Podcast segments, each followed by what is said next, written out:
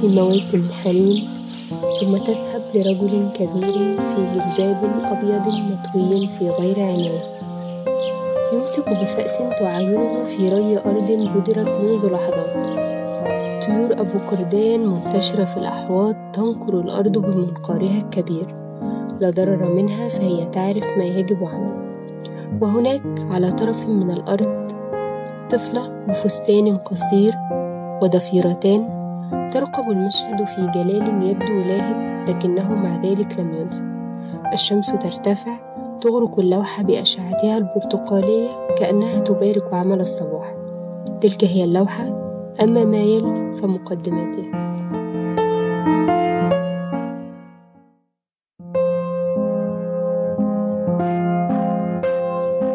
في الفجر تسللنا من البيت نحو الترعة عبر الطريق الترابي.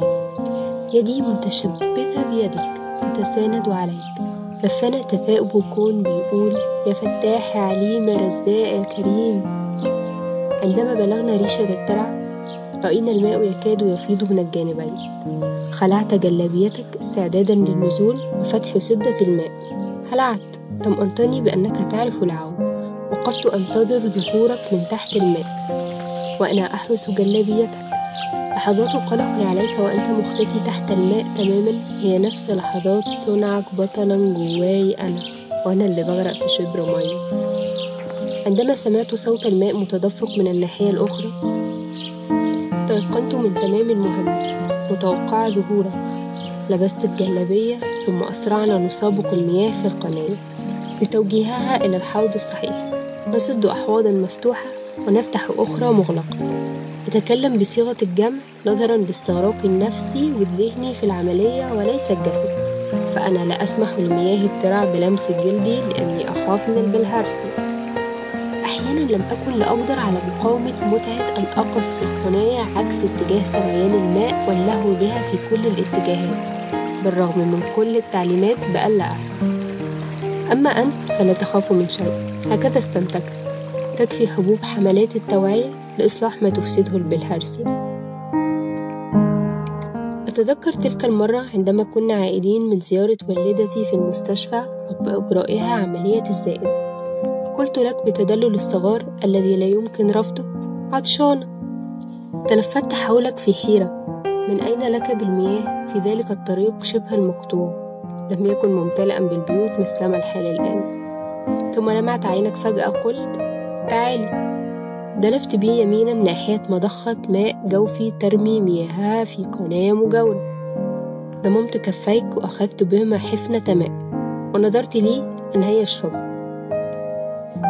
عندما وجدتني متوترة وغير مصدقة مددت فمك وشربت من كفيك فما كان مني إلا أن اقتربت وشربت أنا الأخرى. كان ذلك درس عملي منك لمعلومة لم ولن أنساها أبدا. البلهارسيا ومسببات الأمراض تؤذي الجسم عندما تخترق الجلد من الخارج بينما لا تستطيع إيذاؤه عندما تكون في المعدة لأن العصارة الصفراوية تقتله. الآن أتذكر المياه كانت جوفية أصلا. عندما تسنح الفرصة للمرور من هذا الطريق سيرا على الأقدام أدلف إلى المضخة والشجرة الوارفة بجوارها اطمئن لتوقف الزمن واليد العابثة لهذا المكان. أستعيد ذكرياتنا. وأحكي للصغار عنها. مرة شربت أنا وجد من هنا. وصلنا إلى الحوض الصحيح الذي سنبدأ به عملية البدر. الآن الحوض وقد غمرته المياه. توكلت على الله استعدادا للبدر. في اليوم السابق لهذا اليوم جاء الجرار الزراعي لحرث الأرض. قلب التربة وفاحت رائحة الأرض المميزة. لكن يبدو أنك لم تكن راضيا عن هذه الحرثة النص نص أو أردت المزيد من التقليد فوقفت على المحراث بنفسك كي توغله أكثر في الأرض. وأنا واقفة على الريشة أغبطك وأتمنى لو أني أقف معك على المحراث ينفحنا الهواء ورائحة الأرض الزكية. أشاركك هذا الطقس من طقوس الزراعة تلك البدعة الجديدة علي تماما. فتحت حجرك مليته بتقاوي البرسيم فالموسم شتاء وخير قادم. كومت حجرك ومسكته بإيدك الشمال. بإيدك اليمين كبشت البرسيم ومشيت في الأرض بخطوات صامدة. تبطر بودرة شمال مع خطوة وإيدك قدام برجلك اليمين. وبعدين بودرة يمين مع خطوة الرجل الشمال وهكذا.